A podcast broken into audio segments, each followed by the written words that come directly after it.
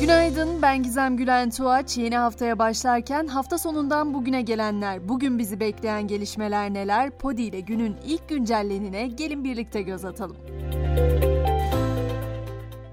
Deprem bölgesiyle başlayacağız. Malum bölgede artçı sarsıntılar sürüyor ama bir de acı haber var. İskenderun'da depremzedelerin kaldığı çadırda çıkan yangına uykuda yakalanan 3 kardeşten biri hayatını kaybetti, biri ağır olmak üzere iki kardeş de yaralandı.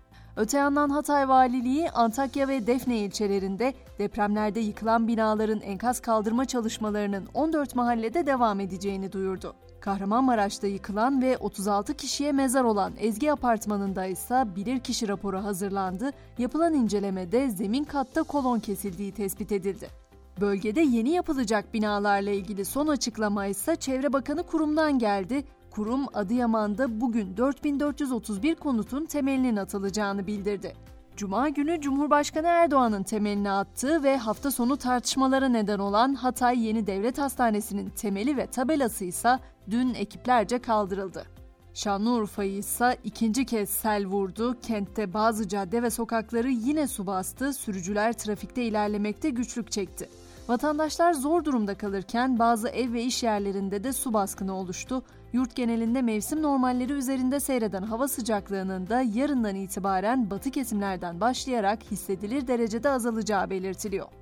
Gelelim seçim gündemine. Siyasetin nabzı yüksek. YSK, Recep Tayyip Erdoğan ve Kemal Kılıçdaroğlu'nun adaylık başvurularının kabul edildiğini açıkladı. Seçmenler tarafından aday gösterilmek istenen Cumhurbaşkanı adaylarının imza toplama sürecinde de 100 bin imzayı ilk geçen isim Muharrem İnce olmuştu. Son olarak ise Sinan Oğan 100 bin imzaya ulaşarak 4. Cumhurbaşkanı adayı oldu.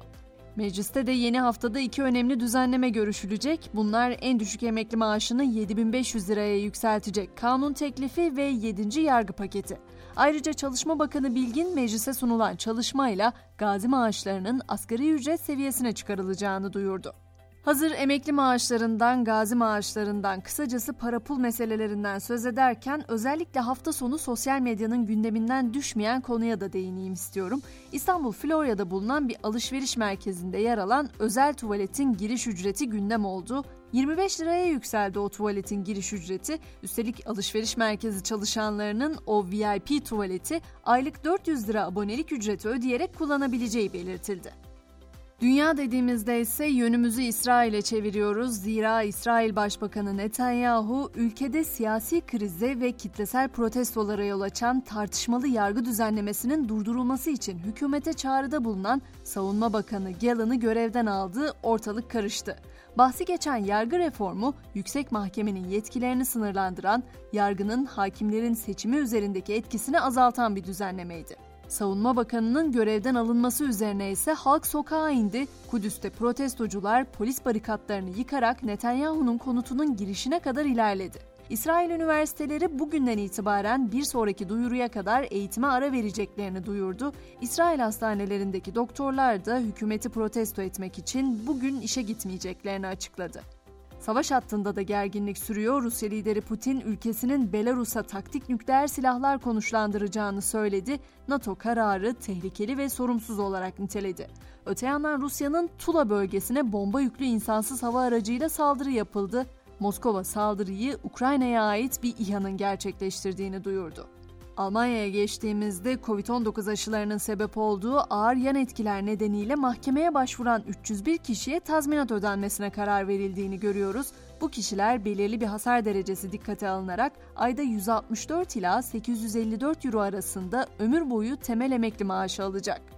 Peki Twitter'da neler oluyor? Dünyanın önde gelen milyarderlerinden Elon Musk Twitter aldığından bu yana değer kaybı sürüyor. Son olarak şirket çalışanlarına gönderdiği bir bilgilendirme metninde Twitter'a 20 milyar dolar değer biçti Musk. Oysa Musk sosyal medya platformunu 44 milyar dolara satın almıştı. Biraz da bilim dünyasında gezinelim. Sony görme engellilere yönelik yeni bir kamera aksesuarı geliştirdi ürün vizördeki görüntüyü lazer projeksiyonuyla doğrudan retinaya yansıtıyor. Bilim insanları ise iki erkek fareden 7 fare dünyaya getirmeyi başardı. Bir erkek farenin XY kromozomlarının XX'e dönüştürülmesi sayesinde bu deney başarılı oldu. Artık spor diyeceğim. Galatasaray milli ara nedeniyle lige verilen arada yapılan dostluk maçında Azerbaycan temsilcisi Karabağ'a 2-1 mağlup etti.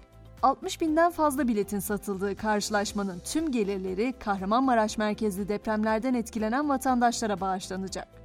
Trabzonspor'un da yeni başkanı belli oldu. Olağanüstü Genel Kurul'da Bordo Mavili Kulübün 18. başkanı Ertuğrul Doğan seçildi. Ve güncelleni noktalarken haftaya sıkı bir başlangıç yapmamıza yardımcı olacak bir motto bırakmak istiyorum. Şöyle diyor Marcus Aurelius. Her şey senden, her şey sende, her şey sana dönüyor. Kendimizin kıymetini hatırladığımız bir hafta olması dileğiyle akşam 18'de tekrar görüşelim diyorum. Şimdilik hoşçakalın.